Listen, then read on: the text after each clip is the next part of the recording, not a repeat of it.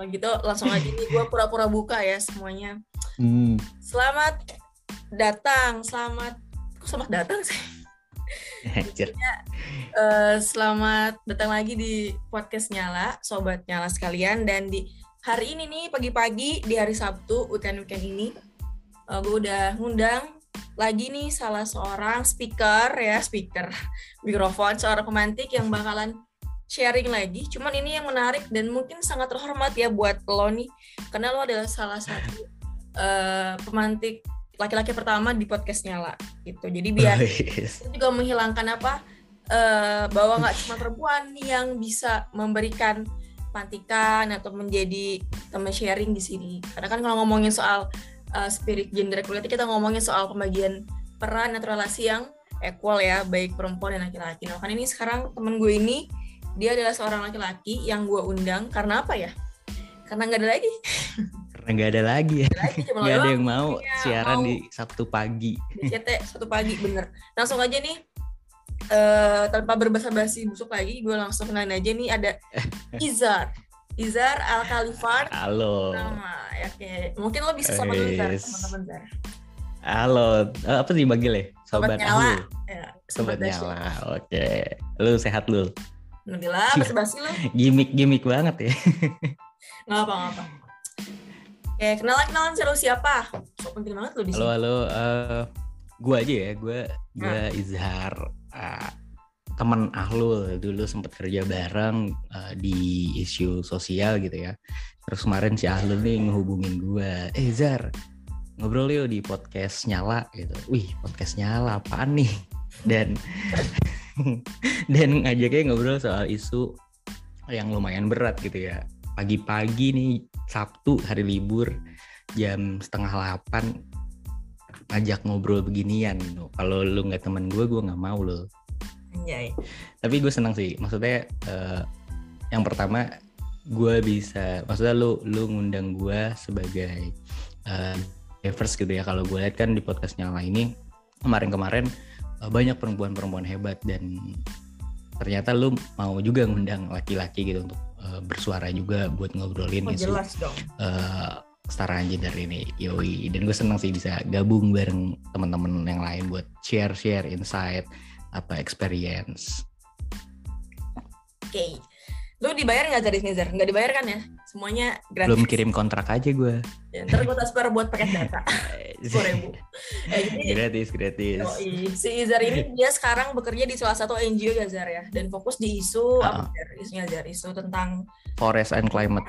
hutan konservasi iklim oke gue disebut aja mungkin kalau misalkan lu nggak anti merek? Nggak usah lah ya.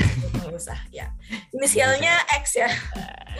Nah jadi em, tadi kenapa Hina gue mutusin buat ngundang Izar ke podcast Nyala? Karena emang ini sebetulnya lebih pada ke kita ingin menghadirkan gitu ya Zar kita ingin menghadirkan perspektif lain gitu ya mengenai gimana sih sebetulnya laki-laki memaknai posisinya ketika berada dalam sebuah lingkaran yang secara struktural maupun kultural itu patriarkis gitu karena kan selama ini kita ngomongin isu uh, gender equality kan pasti eratnya itu dengan adanya penindasan ke perempuan, stigma ke perempuan, subordinasi dan sebagainya.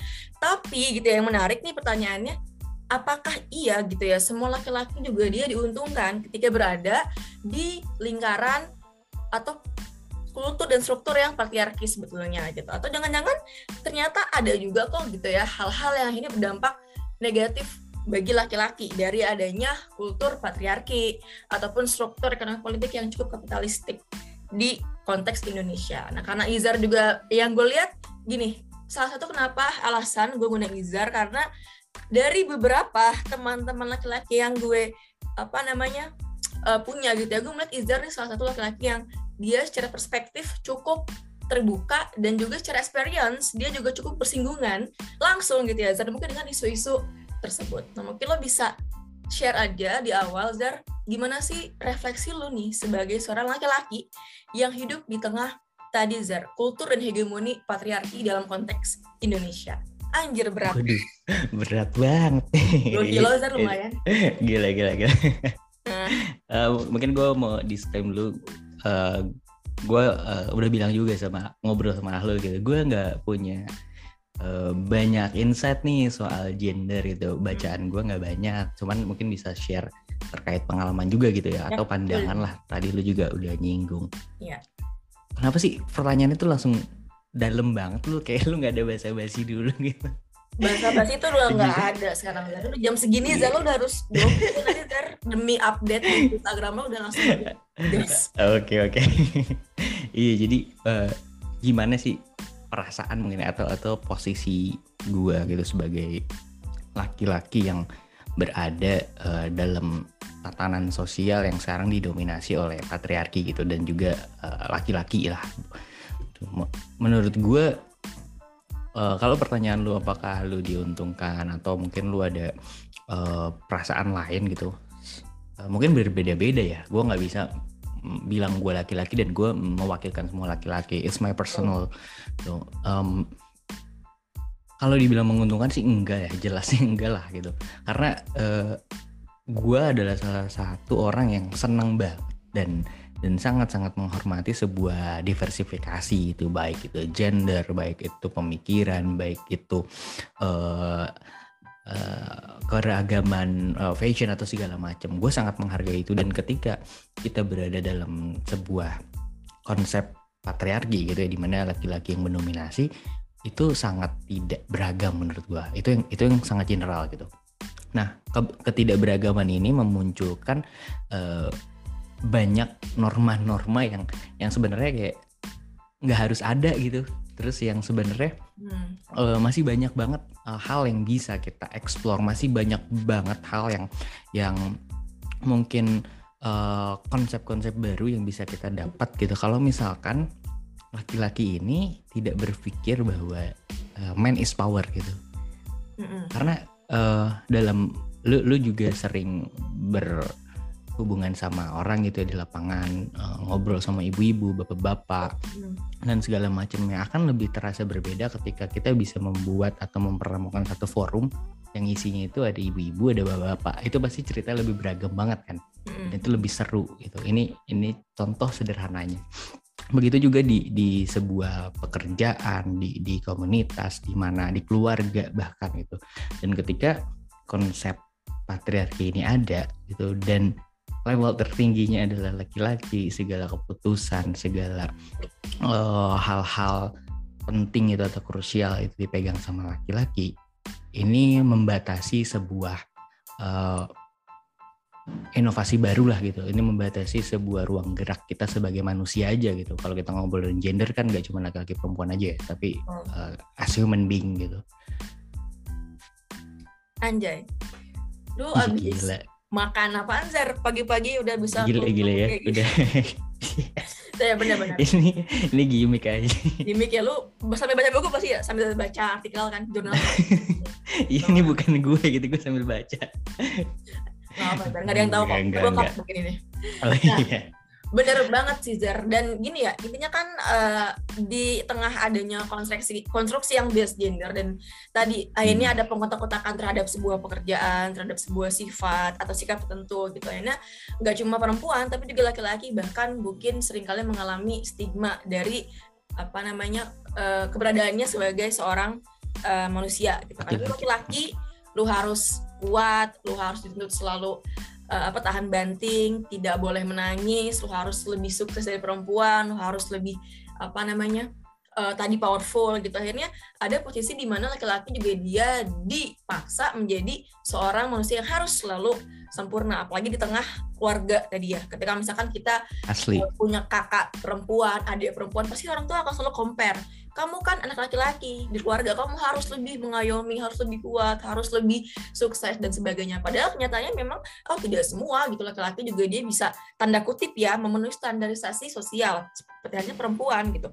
Nggak semua perempuan hmm. juga mau gitu disuruh untuk tanda kutip ya. Kamu harus apa bersikap lemah lembut harus pakai rok harus bisa masak harus dan dan nggak semua karena itu tidak ada kaitannya sama sekali dengan yang namanya uh, jenis kelamin gitu yang namanya masak, kuat, berani itu bukan merupakan sebuah kodrat. Nah, lu sendiri Zar, pernah nggak lu mengalami tekanan-tekanan yang berkaitan dengan tadi stigma atau stereotip mengenai laki-laki sebagai makhluk yang harus selalu kuat dan sempurna di tengah masyarakat?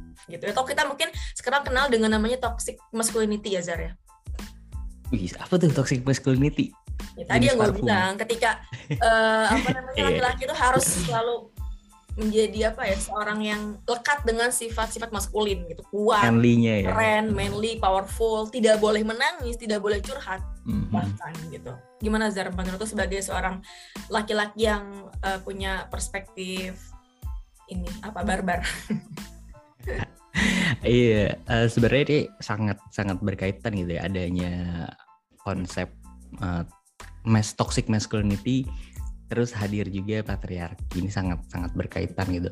Kenapa patriarki bisa ada? Karena tadi kita mempunyai sebuah norma atau ekspektasi sosial terhadap gender gitu. Kalau di laki-laki masculinity, kalau di perempuan kan femininity ya. Yeah. Nah ini akan menjadi sebuah uh, bahasa anak jaksel tuh toxic ya sekarang ya. Nah, Apa sih? ya, sederhananya itu beracun lah gitu ya nggak, nggak baik lah ya nggak, nggak baik lah gitu. Uh, nah kenapa konsep ini menjadi nggak baik dan uh, gimana sih gitu? Uh, mungkin gue sebagai laki-laki meresponnya dan menanggapinya. Mungkin boleh bicara dari dasar dulu gak sih lu? Anjir boleh sih dasar boleh. dari dasar tanah kan lu.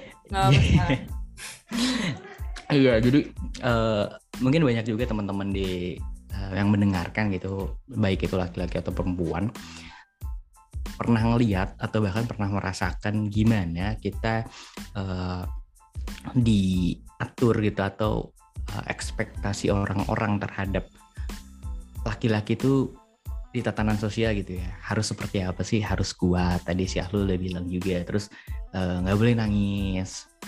Cara berpakaiannya juga diatur gitu. Nah. laki-laki biasanya pakai yang hitam-hitam gitu. Kalau yep. kata konten TikTok kan harus hitam gitu nggak yep. boleh putih ya kan? Ya kenapa ya iya kan coba mamba segala macem. Terus bahkan bahkan cuy sampai duduk dan jalannya laki-laki itu juga diatur gitu yep. kayak duduk nggak boleh ngilang gitu nggak sih lu? Duduk kayak ngilang ya, gitu. harus ngangkang biar ya, maco bro. harus ngangkang gitu kan kayak itu konsep dari mana gitu. Ya, ya. terus jalan juga harus tegak gitu segala macem. Ya yeah. kalau lu tentara atau apa ya nggak masalah kan gitu. Tapi kalau lu lu ada di masyarakat ya terserah aja gitu. Jalan lu nggak nggak menentukan jati diri lu gitu.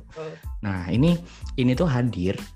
Mungkin kita bisa tarik tarik dari awal dulu gitu ya. Karena ini udah udah bukan konsep lagi kalau gue baca baca jurnal jadi ada ada sebuah uh, jurnal gitu di Amerika yang membahas bahwa uh, maskulinitas ini, eh mas toxic masculinity ini itu udah bukan jadi sebuah konsep di era zaman sekarang, tapi udah jadi sebuah alat politik. Kalau yeah. kita lihat kan uh, politik di dunia gitu ya, didominasi sama laki-laki. Hmm. Salah satu contohnya uh, pas si Trump kemarin tuh. Hmm. Eh bentarnya ibu gue nyanyi kedengeran gak sih? Nggak apa-apa biar backsound. Bagus bu, keren, keren bu. iya dia lagi nyuci sambil nyanyi. Wah, paling mantep ya. Bentar, bentar, bentar, ya. Bentar, bentar. apa Zar, parah banget. Jangan mengganggu kebebasan ekspresi malu. Udah. inklusif, inklusif. Oh iya, udah, udah. Kan? Gue udah, udah bilang kayak cilin dulu. Ya. Tadi sampai mana? Oh ya, uh, sampai maskulinitas itu jadi ah. salah satu uh, alat politik gitu ya yang dipakai untuk mensukseskan uh, politik dunia lah karena ya tadi laki-laki itu mendominasi di mana pun berada. Kalau kita lihat lagi dari dari uh, basic banget gitu. Kalau kita ngobrolin soal maskulinitas, ini kan berarti kita ngobrolin soal gender ya. Hmm. Kalau kita ngobrolin gender, uh, berarti kita mulai dari seks. yeah. Sex is uh, biological gitu, yang yeah. di mana ketika kita lahir, ya kita terberi. udah terberi gitu kan, di, dianugerahi entah itu jadi laki-laki atau perempuan gitu dan seks is not about uh, kelamin aja gitu tapi kan ada juga kayak uh, hormon gitu terus uh, segala macamnya gitu yeah. yes hmm. yang memang udah uh, kita tercipta sebagai manusia dan itu ada bedanya gitu kan hmm.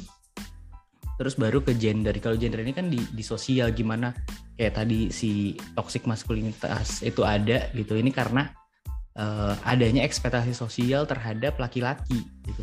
Mungkin kalau zaman apa ya perang atau zaman revolusi dulu kan orang banyak berharap sama atau laki-laki banyak mempresentatifkan bahwa dia itu kuat gitu jadi pejuang terus uh, jadi apa ya pokoknya uh, segala kekuatan itu ada di laki-laki deh gitu kalau perempuan mungkin zaman zaman dulu tuh kayak cuman masak gitu nggak sih support uh, apa apa gitu dan ini jadi sebuah uh, cacatan ya gue lihat ya untuk mm-hmm. era era sekarang gitu mm-hmm. nah uh, gue sih melihatnya kayak ini tuh udah udah jadi legacy dari dari zaman zaman dulu gitu ya, menyejarah Dan, ya hmm. iya menyejarah gitu ya gue senangnya sekarang sih kayak eh, banyak kan ya eh, orang-orang tuh yang udah bersuara gitu, mengkritisi soal uh, toxic toxic dalam gender ini gitu. Bahkan beberapa teman-teman juga udah mulai gerakan dan itu menyadari kita semua bahwa itu nggak baik loh gitu. Norma ini tuh sebenarnya udah nggak relevan lagi ada di uh, zaman sekarang. Sebenarnya dari dulu juga udah nggak relevan gitu ya. Cuman mungkin kita bisa lebih bersuara aja gitu bisa lebih uh, mengkritisi secara bebas karena kita hidup di era demokrasi gitu. Jadi ada kesempatan besar buat kita bilang atau kita uh, shut out gitu untuk toxic masculinity sebenarnya nggak baik loh. Lo tuh nggak bisa kayak gitu gitu. Jadi ya. jadi laki-laki nggak harus lu tegak nggak harus lu kuat nggak harus lu berotot segala macem gitu. Kalau lu ngomongin soal otot perempuan juga bisa berotot gitu kan. Ini ini biological gitu. Kalau laki-laki pakai pakaian yang gak hitam atau pakai pakaian yang mungkin gak biasa dipakai laki-laki ya nggak apa-apa juga gitu. Nah ini kan yang membentuk kayak laki-laki tuh harus harus pakai pakaian yang seperti ini gitu. Laki-laki yang nggak boleh menangis. Ini kan mem gue mempertanyakan gitu ini tuh dari mana muncul ya kayak gini kenapa uh, misalkan yang boleh nangis hanya perempuan aja gitu kalau lu waktu kecil ingat gak sih kayak misalkan gitu ya lu ngelihat atau lu mungkin ngerasain juga kalau laki-laki anak laki-laki nangis di, dicubit gitu atau enggak dipukul kayak hmm cengeng banget sih nangis yeah. kayak iya. perempuan aja gitu ya kan kayak yeah, yeah. nah dari kecil tuh kita udah didoktrin kayak, kayak gitu. gini gitu iya tanpa sadar nah um, menurut gue ya nggak masalah juga gitu kalau lu siapa pun kita gitu laki-laki atau perempuan mau nangis gitu terus mau berekspresi sesuai dirinya mereka mau melawan norma-norma yang ada sebagai gender itu bebas banget menurut gue. Dan itu harus harus dibebaskan sih. Karena itu nggak mempengaruhi jati diri kita sebagai laki-laki atau perempuan gitu ya. Karena menurut gue sendiri maskulinitas ini ada dalam bagaimana laki-laki itu bersikap dan bagaimana laki-laki itu berpikir gitu karena kalau cuma dilihat dari fisik dari dari fisik itu kayak enggak banget enggak sih malah munculnya akan jadi uh, kekerasan gender nggak Hmm. Karena kan laki-laki ini udah udah dominan kan. Terus kalau misalkan kita memandang maskulinitas dari fisik aja, ini akan menjadi dan membuat eh, kekerasan-kekerasan berbasis gender semakin uh, menjadi-jadi gitu. Bahkan kayak misoginis, terus uh, kalau di Amerika tuh ada ada riset yang bilang bahwa uh, toxic masculinity ini menyebabkan sebagian besar kekerasan hmm. di Amerika gitu terus peperangan geng uh, bullying uh, perang gitu karena kenapa karena tadi laki-laki melihat bahwa dirinya adalah uh, powerful gitu. Mereka berada di kasta paling tinggi nih gitu. Mereka mereka nggak mau banget kesaingin. Mereka kalau kesenggol itu kayak langsung ribut gitu. Kayak emosionalnya udah udah ini banget lah sensitif banget. Ya, pokoknya kalau misalnya ada ya. yes ada masalah apa-apa kalau laki-laki yang menghadapi masalah itu harus diselesaikan secara gentle gitu kan ini udah jadi normal secara jantan gitu ya?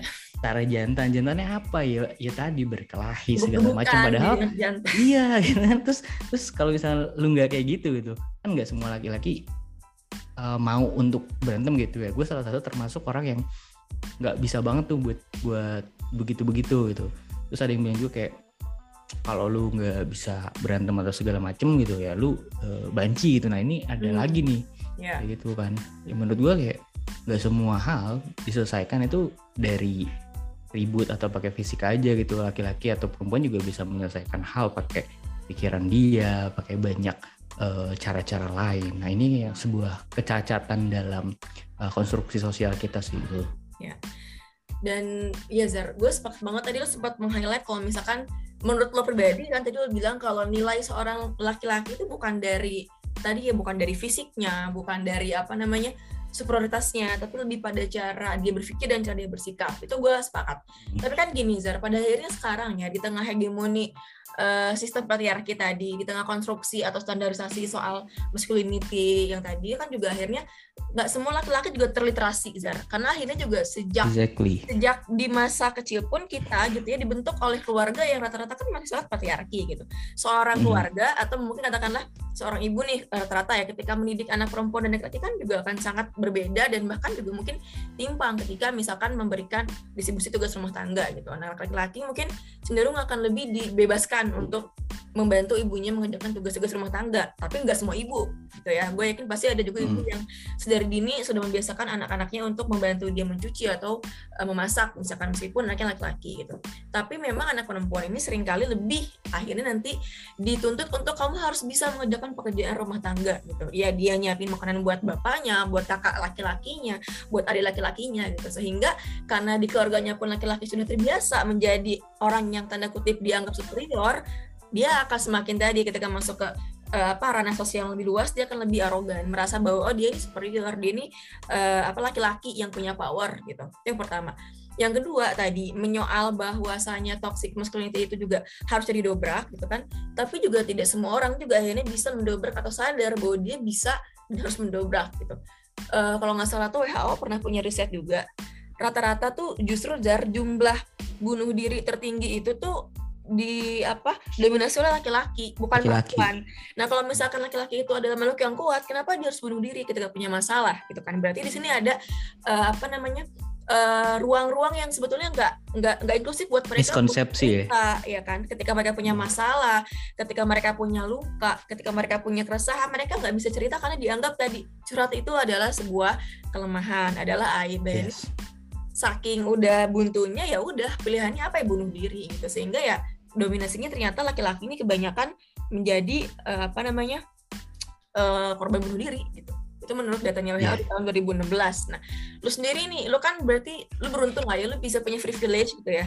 Lu punya akses untuk bisa meliterasi diri lu sendiri gitu. Lu bisa menumbuhkan kesadaran kritis untuk bisa ya udah menjadi laki-laki as yourself gitu. Lo mau pakai baju kuning lo mau pakai baju motif uh, apa macan tutul itu ya nggak akan membuat diri lu terreduksi sebagai seorang manusia gitu. Tapi kan nggak semuanya kayak gitu gitu Zar. Nah gimana Zar? Lu sendiri nih di tengah uh, dinamika demikian atau mungkin lu juga punya mungkin teman-teman laki-laki yang ya sekarang ini mungkin menganggap lu atau memandang lu sebagai tanda kutip apa ya ya laki-laki yang mungkin beda atau gimana atau apa yang akhirnya bisa lu pahami lebih kontekstual dengan lingkungan lu sekarang Zar gitu tentang hal-hal tersebut. Dengan kontekstual oke. Okay. uh, eh, bentar, bentar ada motor. Malah iklan. Tadi kalau gue nyala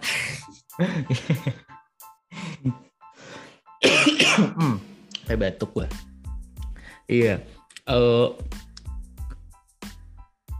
di tengah hegemoni yang sekarang gitu ya hmm. gimana uh, apakah gue pernah dipandang gitu atau punya pengalaman hmm. um, dapat pandangan mungkin melankolis kali ya laki-laki yang melankolis gitu ada ini nah, itu sering lap lap silakan kanebo kanebo iya yeah, itu sering banget sih asli sih uh, uh, bahkan bahkan gini loh yang menariknya hmm? itu nggak cuma datang dari laki-laki aja okay. perempuan juga hmm. bahkan teman terdekat gitu jadi kalau kita ngobrolin soal uh, toxic masculinity itu nggak cuma dari laki-laki antar laki-laki aja gitu kan yeah. ya yang hmm. menjudge tapi juga lintas gender gitu nah uh, gue tuh orang yang pertama melankolis gitu ya terus kedua kayak uh, gue gampang banget nangis kayak nonton anime gitu uh, yang memang ceritanya bagus gitu heart heartwarming hmm. itu gue pasti uh, bakalan nangis gitu kayak misalkan Tokyo Ghoul atau gue nonton film-film lain. Iya gitu-gitu kan kayak kayak orang liatnya anjir lu udah laki-laki nontonnya kartun terus nangis, nangis lagi gitu kan kayak ah, tak terbawah lu udah udah kasta terendah banget dah gitu. Padahal ya ya itu adalah sebuah anugerah kita sebagai manusia gitu yang yang kita mempunyai perasaan. Dan kalau aku nangis ya nangis aja gitu semua orang juga punya air mata kan nah Ya, sepakat. itu pertama da- dari dari eh, nangis gitu ya terus kedua hmm, gue lu mungkin tahu juga lah gue orang itu suka banget eh, pakai pakai pakaian yang Ya. yang nabrak nabrak warnanya. Dan gue gue suka iya gue suka banget pakaian yang warna cerah gitu. Dan bukan berarti gue nggak suka pakai pakaian yang hitam atau jeans dan segala macam. Gue tetap pakai gitu. Cuman gue mendiverse uh, passion gue gitu. Dan gue nggak nggak mengekang bahwa gue se- uh, Izhar sebagai laki-laki ya berarti gue cuman bisa pakai t-shirt pakai celana jeans gitu. Terus pakai yang pakaian manly. Enggak gitu. Gue gue senang aja pakai uh, kain gitu kan pakai pakai sendal warna oranye dan segala macem gitu. Nah ini tuh awalnya kayak gue bukan gue pakai pakai kain gitu terus gue pakai warna warna yang terang itu bukan karena gue pengen uh, gain sama persepsi dari toxic eh dari maskulinitas gitu ya. Tapi karena gue seneng aja lu pakai pakaian kayak gitu tuh gue ketika pakai itu tuh rasanya bahagia aja gitu. Gue Hmm. sebagai laki-laki gue bisa mengekspresikan dengan pakaian kayak gini dan gue fine fine aja kok gue masih tetap bisa kerja gue masih tetap bisa ngobrol-ngobrol gue tetap bisa ngisi podcast dan segala macam gitu nggak ada yang berubah kan nah, awalnya sih dari senang aja terus kayak oh ternyata kalau laki-laki pakai pakaian yang eh, kayak gini juga nggak merubah jati diri gue sebagai Benar. laki-laki kok gitu Iya. pikiran dan perasaan atau hati gue ya tetap aja gitu kan Hmm. udah akhirnya eh, itu menjadi sebuah sarana juga sih. Sering banget tuh temen-temen eh, orang-orang gitu ya kayak Hmm. "Eh, lu ngapain sih jadi cowok? Kayak pakai pakaian gitu ribet banget. Terus kayak ih pakaian lu terang banget warnanya apaan dah? Gitu. Itu sering banget. Bahkan terakhir tuh gue Mhm. dapet dari temen perempuan gue gitu ya. Hmm. waktu gue pakai kain terus dia bilang gini "Eh, Zer lu kok suka pakai pakai kain gitu deh. Gue aja sebagai perempuan, Perempuan. Ribet gitu pakai kain kan males. Gue pakai celana gitu. Ya nggak masalah juga kan. Nah kadang yang yang hal-hal seperti ini mungkin eh, bercanda gitu atau mungkin s- greeting aja gitu ya dari sesama teman. Cuman mungkin eh, bagi sebagian orang hal ini bisa aja dianggap wajar atau lumrah gitu. Padahal ini adalah dasar banget bagaimana cara kita menghargai eh, sesama gender gitu ini tuh penting banget loh. Jadi kalau lu ta- pertanyaan tadi gimana sih cara kita share awareness soal uh, gender equality ini? Ya salah satunya adalah dari kita menghargai orang lain gitu. Kita menghargai, gue menghargai lu, lu pakai baju serba hitam gitu kayak pesulap.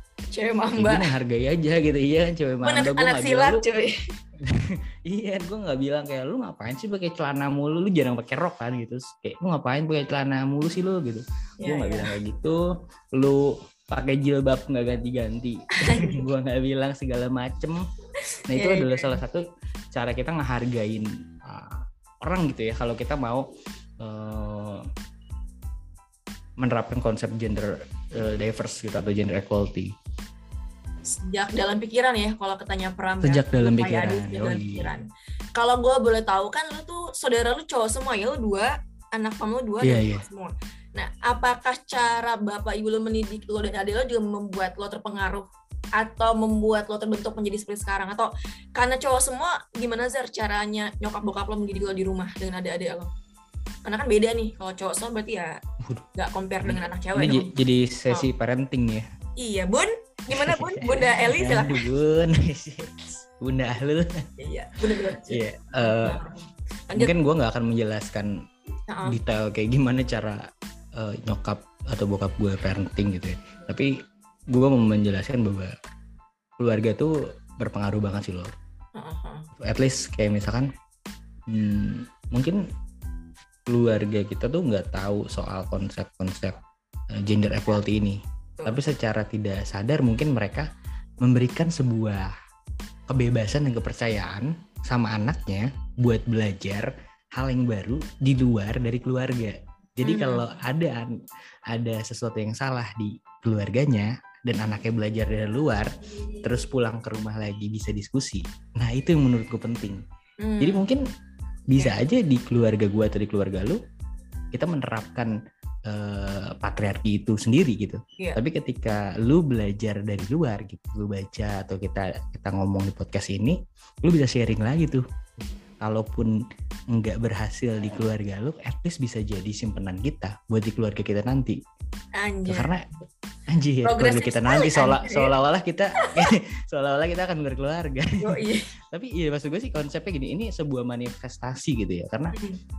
karena ini nggak akan bisa berubah langsung gitu loh. Kayak nggak nggak bisa langsung patriarki hilang gitu nggak bisa gitu. kita kita harus kita harus berprogres yang mungkin itu bisa terjadi uh, entah berapa generasi at least dari kita udah mulai membawa eh, manifestasi manifestasi itu untuk uh, kita teruskan lagi gitu. Kalaupun nanti ketika kita udah berkeluarga dan itu nggak relevan lagi ya itu bisa di mungkin anak kita akan mendebat lagi gitu atau ada konsep-konsep baru lagi kan di, di masa depan ya. Hmm. yes benar. Nah ini menjadi sebuah uh, bekal sih menurut gue ya buat buat gue seneng jujur anak-anak muda sekarang kan kayak kita uh, kritis dan aware gitu ya sama isu isu gender gitu. Di kebetulan gue juga ngelihat di sosial media ramai juga tuh gitu. Nah ini menurut gue baik sih buat bekal kita gitu hmm. untuk uh, ke depannya. Walaupun nggak bisa diubah sekarang, at least kita punya bekal supaya itu nggak terjadi di keluarga kita atau di circle terdekat kita gitu sih. Ya, benar-benar. Nah ini kan tadi lu kita sudah berusaha untuk ini ya melihat ke depan gimana masa depan ya kayak judul skripsi Zer masa depan. Gila, futuristik ya. Nah, progres-progres atau peluang-peluang yang ada ya tadi mengenai gimana kita bisa ngebangun itu dari mulai diri sendiri, circle terdekat kita, hmm. keluarga, hmm. teman dan sebagainya. Nah, kalau untuk masa sekarang nih ya, di tengah ya kita tahu lah sekarang juga yang namanya apa namanya uh, pergaulan dengan teman gitu ya, dengan teman kerja, hmm. dengan teman main. Kan tadi ya nggak semua orang juga dia ini terliterasi dengan yang namanya gender equality gitu. Masih ada aja yeah. mungkin juga kita nih Zara yang berusaha untuk belajar gitu ya belajar menumbuhkan kesadaran tapi juga masih ada rasa-rasa yang sebetulnya itu juga uh, membebani kita sebagai seorang manusia secara psikologis gitu. Terlebih kalau hmm. misalkan kita tadi ngomongin soal konsep uh, apa namanya power atau kekuatan dalam sisi laki laki-laki gitu kan. Soal gengsi gitu segala macam. Lu kalau misalkan selama ini dalam lu bergaul dengan orang atau misalkan lu pernah punya hubungan dengan perempuan gitu. Apakah lu pernah merasa gengsi atau merasa uh, apa namanya tidak tidak terhargai gitu. Ketika misalkan uh, lu tidak bisa menunjukkan kekuatan lu sebagai laki-laki. Baik dari sisi finansial misalkan dari sisi pengetahuan dari sisi uh, pergaulan dari sisi apalagi ya dari sisi ya itulah. Kayak misalkan lu jalan lu berusaha harus oke okay, pokoknya kalau misalkan gue punya temen perempuan harus gue yang bayarin harus gue yang traktir gitu. Atau malah lu justru sekarang juga udah lebih kayak kayak udah gitu. Ketika ngomongin soal relasi itu mengenai kesetaraan finansial, kesetaraan apa tadi uh, pemikiran, kesetaraan uh, cara untuk bisa berapa sikap itu jadi hal yang penting. Atau justru sekarang juga lu masih ada beban psikologis kayak ngerasa laki-laki tuh harus lebih berdaya dari sisi keuangan, dari sisi apa segala macam gitu, Zar. Gimana menurut lo? Waduh, dari sisi parenting jadi curhat nih ya. kan tadi kita yeah. progresif, Zar iya progresif progresif uh, kalau ada ada ada sebuah step menarik tadi dari lu apakah uh, lu sebagai laki-laki merasa bahwa lu harus uh, mentraktir perempuan gitu ya? Karena lebih berdaya mungkin dari finansial. Sayangnya di gua enggak sih lu gua bentuk traktir ya lu ya? ke enggak enggak. Ya maksud gue kayak uh, uh, itu mungkin ada ya gitu. Uh, eh, gue nggak tahu sih. Itu itu itu ada di diri gue gue nggak tahu di di laki-laki lain. Uh, kayak misalkan ada kekhawatiran gitu ya. Misalkan gue sebagai laki-laki kira-kira bisa nggak ya uh, mungkin lebih ke mengcover gitu. Mengcover hmm. dari dari finansial atau dari dari uh, melindungi dan segala macam. Itu sempat ada uh, mungkin di zaman sekolah atau segala macam zaman zaman pacaran lah gitu. Itu pasti ada. Tuh. Nah kalau sekarang gue lebih bisa uh, menyikapi dengan lebih wise ya. Jadi kayak misalkan um, gue traktir lo nih gitu atau traktir teman-teman perempuan gue itu bukan karena gue lebih berdaya gitu. Bahwa gue membawa konsep kalau jalan sama perempuan laki-laki yang bayar gitu. Enggak tapi gue lebih uh, pertama gue traktir lo itu karena ada value-nya dari relasi kita gitu. Gue nggak akan mentraktir orang yang nggak ada value-nya buat gue gitu. Pasti ketika gue mentraktir lo bukan karena gue laki-laki dan lo perempuan. Nah, apa lo traktir gitu. gue ya? Ini lo pernah traktir misalnya gue. lo oh, misalnya. Misalnya lo terus yang kedua adalah karena gue uh, mungkin konsep bukan traktir kali ya kayak nganter atau uh, ya, dampingnya atau segala macam gitu. antar gitu. jemput segala macam bawain hmm. barang ya kan? Bawain barang. Bawain barang itu itu gue gue enggak sih. Maksudnya kayak uh, eh, gue ada rasa mau kayak gitu cuman gue nanya dulu nih. Ini untuk menghormati ya kayak misalkan eh lu ada yang mau gue bawain gak gitu. Ada yang bisa gue bantu nggak? Biasa kayak gitu sih. Gue nggak tiba-tiba langsung oh sini sini gue bawain gitu. Terus nah, gue misalnya kayak nggak gue nggak nggak kayak gitu. Gue nggak langsung men, men me, apa ya melakukan hal yang mungkin kesiangan. Iya kan kayak pahlawan kesiangan. Padahal bawanya cuma bawa buku doang satu gitu kan. Modus banget gitu. Enggak, gue pasti selalu memulai dengan pertanyaan gitu kayak eh ada yang bisa gue bantu nggak? Lo beratan nggak bawa gitu? Cuman kan biasanya ya hmm. kalau perempuan kayak suka malu-malu dan segala macem gitu ya kayak gitu. Nah ini uh, ini gimana cara kita bersikap dan menghormati aja sih gitu. Terus juga uh, etika aja ya kayak misalkan emang lu atau gua ngelihatnya ah lu nih udah bawa bawa kerdus bawa pulungan gitu bawa aqua aqua dan segala macam ya itu nggak gue bantuin sih lo itu nggak gue temenin malah. Intinya sih kayak ada ada cara kita untuk menghormati dulu lah at least bertanya. Ini Wih, udah less than one ya. minutes nih Iya, sejar. Bentar, kita perpanjang sampai 10 menit ke depan. Teman-teman karena ini pakai yeah, yeah. Zoom gratisan, jadi mohon maaf kali kita istirahat dulu, ntar kita sambung Gue stop dulu ya, Zar ya. Iya, iya. Anjir. Oke, ini nggak okay. bakal gue edit, ntar gue bakal langsung sambung aja karena kalau ngedit uh, ntar ngekatnya malas, jadi ntar sambung lagi ke sini. Oke, ini nah, udah dasar pemalas. Ya, terima kasih Zoom atas gratisannya. Ya, tapi ingat Zar, tidak ada yang benar-benar gratis. Kita menukar Oke, okay, dengan segala data kita, semuanya lah udah. Ya, tadi mungkin ini ya Zar, menarik ya uh, soal konsep lu tentang relasi tadi itu bahwasanya konsep keberdayaan tadi yang lo bilang itu bukan soal siapa yang lebih kuat atau siapa yang nggak kuat, tapi tadi soal lebih pada ke apa namanya akhirnya ada konsen, ada kesepakatan untuk bisa saling mm. uh, apa namanya mengisi atau uh, ini ya apa kayak berkontribusi gitu karena kalau misalkan keberdayaan baik keberdayaan fisik, keberdayaan finansial, keberdayaan spiritual, emosional itu kan sebetulnya bukan soal gitu. itu soal personal kan perempuan laki-laki hmm. masing-masing punya kapasitas keberdayaan yang nggak bisa dipukul rata gitu. Nah lu sendiri uh, ke depan ketika lu ngelihat mungkin lo ke depan lu akan, akan juga tadi ya berkeluarga, lu mungkin akan berpasangan, punya istri atau punya anak dan sebagainya seperti apa lo melihat konsep relasi berkeluarga? Kalau misalkan nih ke depan ternyata istri lo lebih berdaya dari lo ya tanda kutip dalam hal finansial, misalkan dia lebih punya gaji yang besar atau mungkin dia punya jabatan yang lebih tanda kutip tinggi gitu. Apakah lo sebagai seorang lelaki, sebagai seorang yang akan jadi bapak akan merasa itu juga menjadi sebuah beban gitu? Karena kan sekarang juga sebenarnya udah udah mulai ini kan udah mulai uh, mencuat juga nih yang namanya narasi mengenai uh, eh, BRT bapak rumah tangga gitu kan. Oke ini bapaknya mm -hmm. di rumah, ibunya di luar gitu. Ya buat sebagian orang ya itu hal yang mungkin biasa aja. Karena gue juga gue mengalami gitu. Tapi mungkin buat orang lain kayak loh kok lakinya hidup di bawah ketiak gini gitu. Nah gimana lo melihat itu ke depan dengan diri lu sekarang sebagai seorang Izar gitu? Hmm. Oke, ini ngawang-ngawang kali ya. Enggak lah. ya, tapi progresif ngawang-ngawang. uh, nah, uh, mungkin kalau gue sendiri ya, lo hmm. melihat kayak misalkan konsep BRT tadi gitu, uh, bantuan rumah tangga, bapak rumah tangga. Hmm.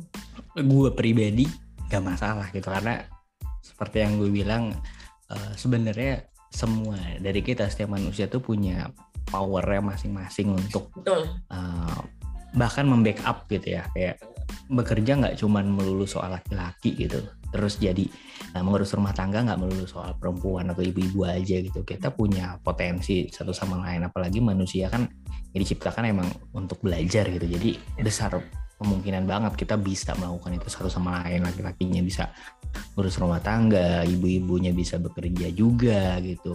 Dan gue sendiri nggak masalah dengan konsep itu itu asal konsennya jelas kan tadi gimana konsen yang gue maksud itu bukan cuman uh, kita saling backup aja gitu tapi gimana caranya kita saling menghargai nih loh di rumah yeah. tangga ya nggak sih jadi uh, kalau gue sih kebayangnya uh, kalau misalkan gue yang jadi bapak rumah tangga gitu mungkin kekhawatiran orang-orang sekarang kan karena tadi yang lebih bilang kok uh, bapaknya hidup di bawah ketek yep. istrinya sih gitu terus ntar malah jadi diinjak-injak nggak hmm. uh, kehormatannya sebagai kalau di Islam imam gitu ya atau kepala keluarga lah gitu. Hmm. jadi nggak ada karena istrinya udah bisa nyari duit sendiri segala macam nah mungkin uh, konsen itunya dulu sih gitu yang kita clear ini di awal. Kalau itunya udah clear dan kita sama-sama paham nih gitu konsep yang tadi itu udah enak banget. Dan gue sendiri sih nggak masalah gitu. Kalau nanti ya ke depannya gue nggak nggak harus kayak gue yang bekerja terus uh, apa-apa harus gue gitu. Lu sebagai istri gue eh lu sebagai istri gue uh, istri gue istri gue oh, kelepasan. uh, Zar sorry Zar gue gak bisa Zar. ini live loh Zar. Kelepasan lagi aduh. Uh, uh, istri gue terus cuman cuman ngurus anak sama rumah tangga aja enggak sih. Kalau misalnya memang kita bisa uh, changing role gitu ya bertukar peran ya is oke okay aja gitu. Karena mungkin uh, akan lebih baik gitu keluarganya ketika uh, perannya ditukar seperti itu kita nggak ada yang tahu kan gitu yeah. karena gue punya temen juga sih yang hmm.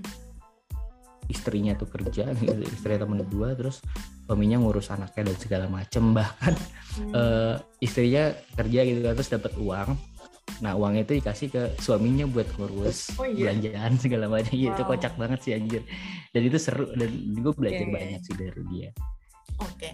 nah ini tadi yang gue uh, lupa tanyain soal ini ya naluri untuk mengontrol mau nggak mau nih laki-laki tuh pasti punya naluri untuk mengontrol atau mengendalikan kan mm -hmm. controlling mengendalikan menguasai lah ya tanda kutip Hmm. Nah, uh, lu nih sebagai jujur aja sebagai seorang laki-laki, sebagai manusia, lu ketika berada dalam lingkaran pertemanan atau lingkaran tadi relasi dengan perempuan, lu pernah atau uh, ngerasa nggak lu punya naluri untuk mengontrol itu? Mengontrol hubungan, mengontrol mungkin hmm. mendikte, mendrive gitu. Atau mungkin lu kan tadi sudah terliterasi lu cenderung bisa memanage itu gitu. Gimana Zar? Oke. Okay. Iya namanya naluri ya kita balik lagi ke biologi kayak ini pasti ada dan gue sadar atau enggak pasti pernah gitu. Nah, hmm. Nah cuman uh, gimana cara kita bisa memanage ini sih lo? Menurut gue gitu ya, uh, karena ini dari biological kita, gitu. Otomatis ini akan terus terjadi sampai akhir hayat gue sebagai laki-laki gitu. Karena ini emang ya gimana sih singa misalkan nalurinya memburu ya dia akan memburu gitu kan dan segala macamnya cuman e, gimana kita menggunakan naluri ini dalam kehidupan sosial yang beragam gitu ya mungkin e, lu juga pernah ngerasa gitu atau e, kita kan sempat kerja bareng gitu terus sempat berkomunitas oh, gitu. bareng di mana sih yes lu mungkin pernah nih si Izar oh, ya, dulu. Uh, mendikte gitu ya. ini si Izar kok sosokan ngelit atau segala macam yeah. mungkin orang-orang pasti pernah merasakan seperti itu ya cuman kayak gimana cara kita bersikap uh, ketika ada naluri itu keluar gitu kayak misalkan sadar atau enggak ya ini kan karena naluri gitu misalkan dalam sebuah forum atau dalam sebuah tim tiba-tiba gua automatically ngelit atau segala macam padahal uh, itu bukan tugas gue atau segala macam karena gue laki-laki misalkan itu Nah ini harus dimitigasi sih sebenarnya. Kalau gue sendiri kadang gue ngeh gitu, oh ini gue harusnya nggak nggak sampai ke sini gitu ngapain. Bahkan gue pernah kayak sampai minta maaf gitu, abis abis hmm. gue ngerasa kayak uh, mendibet, tapi mendibet itu memposisikan diri gue tuh sebagai laki-laki gitu. Kebayang gak sih? Kayak kayak gue punya gue tuh laki-laki, gue gue tahu yang kayak gini-gini gitu. Gue hmm. pernah tuh kayak gitu hmm. nah terus abis itu kayak gue baru ngeh oh, anjir gue kelepasan nih uh, akhirnya gue gue minta maaf gue jelasin segala macam dan dan it's clear gitu yeah. itu ya itu balik lagi gitu ya biological kita gitu dan perempuan juga mungkin ada juga gitu sisi yang yang seperti itunya dan ya namanya juga kita hidup kita harus bisa kontrol harus bisa manage juga benar dan menurut gue juga tadi ya uh, selain dorongan secara biologis tadi juga kan sebetulnya ini memang akhirnya terkondisikan kan dengan tadi adanya hegemoni kultural, struktural juga tafsir yeah. agama kan Zar. Karena kalau misalkan kita mm -hmm. sekarang ngelihat akhirnya apa sih tafsir agama yang dipakai untuk bisa tanda kutip ya uh, mengontrol atau mengendalikan atau mengkonstruksi posisi perempuan dan laki-laki itu kan ya tadi hmm. laki-laki kan dia diposisikan sebagai imam pemimpin yang harus ditaati harus dituruti harus dia apa namanya menjadi surganya bagi apa perempuan atau istrinya ketika mereka sudah menikah. Nah, mungkin laki-laki yang dia punya kebijaksanaan untuk bisa uh, merefleksikan tafsir tersebut secara apa ya secara secara bijak oke okay lah dia tidak akan menjadi uh, seorang yang controlling atau powerful atau misalkan tadi superior tapi yang enggak kan akhirnya dia menelan bulat-bulat teks-teks itu menjadi seakan-akan legitimasi bagi dirinya yes. bisa controlling sekitarnya, controlling istrinya dan keluarganya gitu. Bahwasanya dia adalah seorang yang harus ditaati, harus dihormati, harus selalu dilayani itu yang ini menjadi legitimasi moral sebagai laki-laki untuk ya tadi gue lebih superior daripada perempuan dalam konteks rumah tangga misalkan. Mm-hmm. gitu. Nah lu sendiri, lu kan maaf uh, ini bukannya gue bahas agama, tapi kan lu lahir sebagai seorang muslim ya Zar ya berarti ya? Atau lu udah pindah yeah. sekarang Zar? Nah, sebagai seorang ini, ini kita lihat dari ini aja ya, uh, secara reflektif aja. Lu kan lahir sebagai seorang muslim, sebagai seorang laki-laki hmm. muslim sampai sekarang. Nah, pernah nggak lu sendiri merasa tafsir, uh, ini kita ngomong tafsir agama ya, Zer. Tafsir agama lu mm-hmm. itu tadi cenderung uh, apa ya, akhirnya menjadikan tanda kutip laki-laki di agama kita ini menjadi tanda kutip gitu, punya ruang untuk melakukan hal-hal tadi, dominan, controlling, arogan gitu. Atau lu malah sudah punya celah untuk belajar merefleksikan itu menjadi sebuah tadi justru ruang untuk membangun relasi yang fair alih-alih uh, dominan atau superior tadi itu gimana Zar menurut Zar? Iya kalau uh, dalam tafsir Muslim gitu ya di, di hmm. umat Islam ya kita tahu bahwa laki-laki uh, menjadi imam dalam keluarganya oh. yang imam berarti uh, memimpin gitu kan. Betul.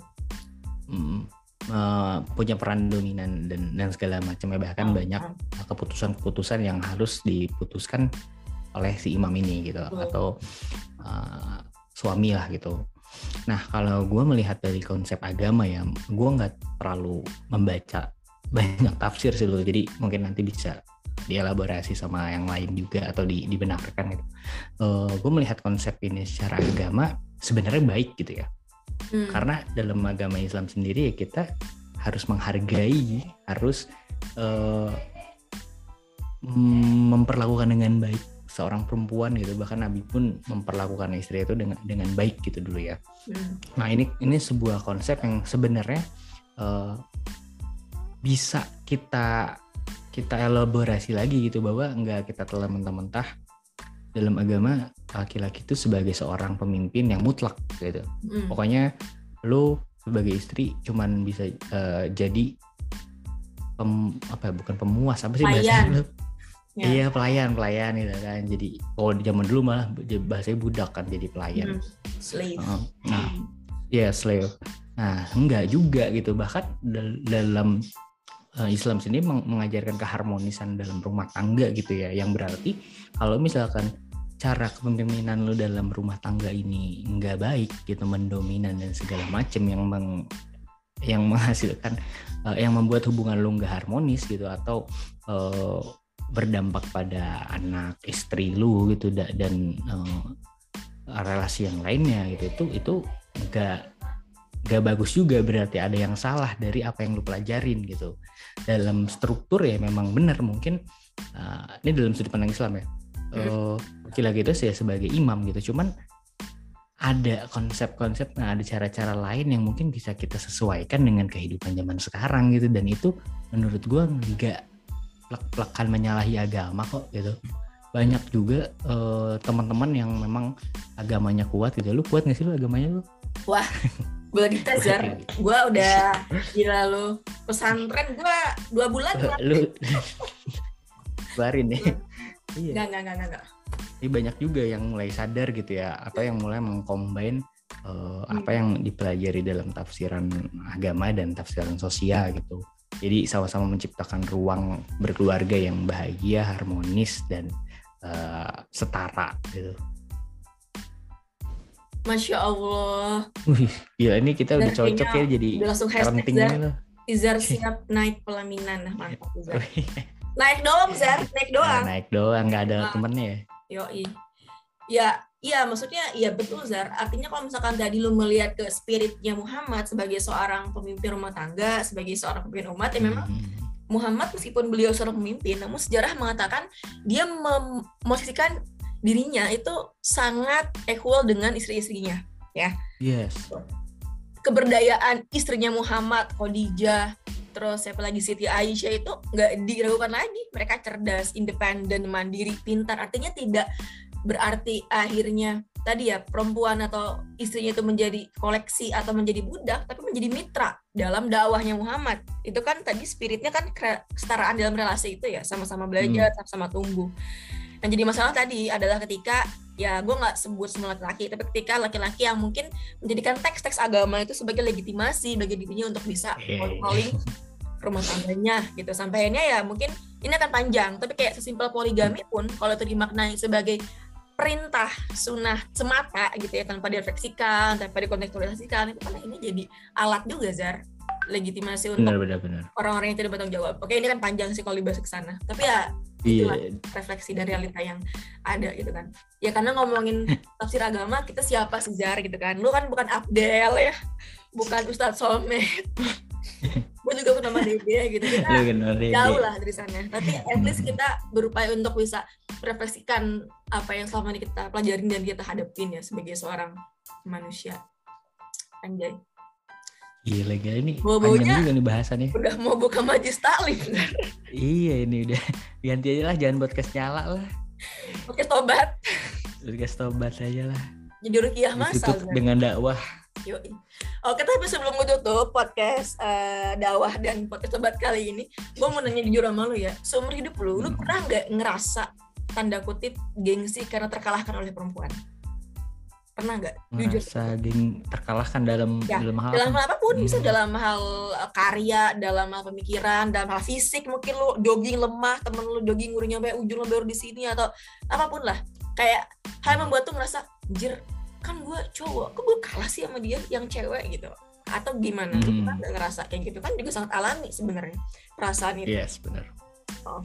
yang pertama mungkin uh, karena gue orangnya bukan kompetitif oh. jadi gue kayak enggak enggak ya udah ketika gue kalah oh. ya udah gitu gue lebih refleksi terhadap diri gue terus yang kedua uh, kata lu tadi alami hmm. pasti gue pernah uh, merasakan gitu ya lu juga pasti pernah merasakan ya. nah cuman gue enggak mm, ad hominem gitu loh enggak enggak hmm. menyalahkan gue kalah karena dia perempuan nih atau segala macam enggak hmm. tapi ya udah gue misalkan lu punya karya yang lebih bagus ya udah berarti gue kalah di idenya aja gitu hmm. ya, wah ajar lo ya. uh, bikin podcast udah sampai episode 5 nih gue nggak punya podcast nih gitu masa gue kalah sih sama perempuan yeah. gitu akhirnya gue bikin podcast redup gitu kan untuk menyaingi podcast nyala gitu. boleh juga nah gitu uh, itu pasti pasti ada lah gitu ya namanya kita oh. bah bahkan gue pernah baca jurnalnya tuh manusia dilahirkan itu sebagai seorang kompetitif gitu kompetitor yeah. kalau nggak gue lupa jurnalnya nah itu pasti akan ada sih lo cuman uh, eh, gue nggak menjustis bahwa uh, menjustifikasi lu perempuan atau gue laki-laki. Okay. karena kalahnya karena itu gitu. Uh-huh. berarti lo lebih ke melihat objektif dari apa elemen yeah, apa yang membuat lo merasa lo belum belum bisa gitu ya. Kita dari sisi idenya yes. gagasannya mungkin dan oke okay, oke okay, oke. Okay ya, karena kadang sentimen gender tuh gitu kayak oh lo perempuan laki-laki masa gak bisa?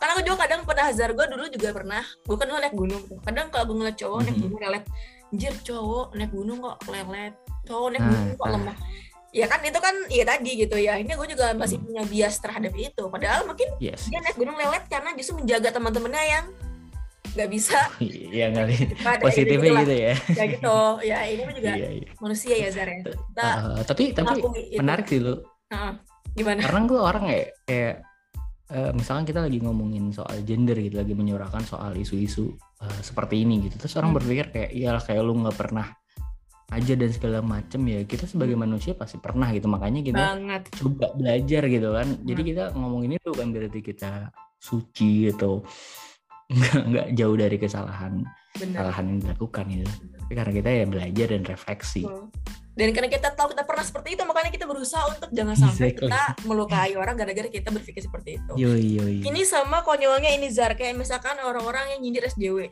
kayak lu katanya SJW Ah. tapi kok masih naik pesawat masih pakai handphone. Lu katanya aktivis hijau kok masih pakai listrik masih pakai laptop dan segala macam. Ya kan? Seakan-akan Iya. padahal kita sebetulnya adalah bagian kecil dari korban yang terhegemoni sistem. Kita nggak bisa milih Zar. Kita nggak punya pilihan. Kita kan sekarang kan gitu. Tapi karena kita tahu sadar makanya kita berusaha untuk tanda kutip ya tadi. Melakukan perubahan melawan dengan masing-masing caranya pasti beda-beda tapi bukan berarti kita akhirnya jadi ya udah karena kita melawan perusahaan batubara kita nggak pakai listrik kita nggak pakai, iya. handphone. iya ya bukan kayak gitu juga. Karena kita nggak punya pilihan lagi. Mereka sekarang sudah mendominasi segalanya. Asli cuy. Kecuali lu Elon Musk lo punya alternatif energi yang bisa lu beli pakai duit lo yang sekian M itu tuh bisa. Tapi kita bukan itu siapa? Kita punya privilege apa buat bisa bikin uh, panel surya Indonesia? Energi sendiri Iya. ya kayak gitu gitulah dia sekelas juga dalam melihat isu ini kan sebenarnya gitu juga bener bener bener. gitu. Oke Zar. Mungkin nanti selanjutnya gue akan bikin lagi podcast kedua dengan lo ya. Nanti lebih spesifik mungkin tadi kayak abis ini soal- gue blok aja deh lu. Oh siap. Ntar gue langsung ganti brand jadi podcast tomat dan podcast ini.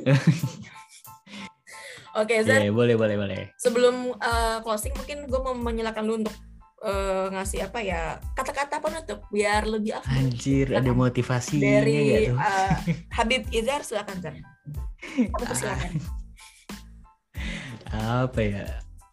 Ya kita terus tumbuh dan belajar dah karena eh, hidupnya dinamis gitu ya. Kalau kita nggak bisa adaptasi nggak mau untuk belajar dan kita nggak bisa tumbuh gitu. Tuh kita akan membawa sebuah sistem atau legacy yang salah dari dulu ke masa-masa yang akan datang gitu. Jadi kita punya kesempatan buat merubah. Nggak sekarang mungkin tapi kita punya kesempatan untuk eh, membawa sebuah perubahan baru untuk masa depan. Nah anjing ini eh kayak katain lo ini terlalu Ini bakal gue highlight buat di depan Zar. banget. ini anjir udah udah udah oke Udah, oh udah. Nah, gue kira mau Udah, udah, potong udah. tujuh Enggak dong. Oke. Sip, kalau gitu eh, makasih banget Zar, gue tidak akan menyimpulkan hari ini karena ini bukan buat disimpulkan, tapi memang ini jadi satu rangkaian refleksi yang luar biasa Iya. dari dari gue kita sama-sama berbagi perspektif, berbagi suara gitu ya. Mhm. Gue doain semoga lu semakin bahagia Zar dengan apa yang lu kerjakan sekarang, makin sukses. amin amin Amin.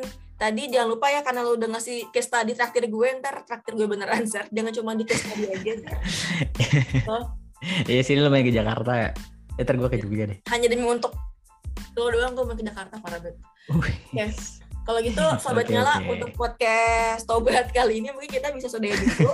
Thanks banget Zar buat lu uh, tetap thank you juga lo tumbuh, tetap tadi lu bilang apa berproses dinamika dan semoga kita ke depannya bisa ketemu lagi di obrolan lain baik itu langsung maupun nanti mungkin eh kan maksudnya baik itu nanti di sini atau ntar mungkin langsung gua ke sana atau lu ke sini atau ketemu di Zimbabwe itu bisa bebas gitu ya. Thank oke you, Zar. oke Kalau gitu yuk bye bye semuanya assalamualaikum. Bye. Terus. salam thank you lo Sip, thank you Zar. gue mau nyuci dulu nih Ya gue juga mau cap nih, mau cari nafkah. Udah mau jogging.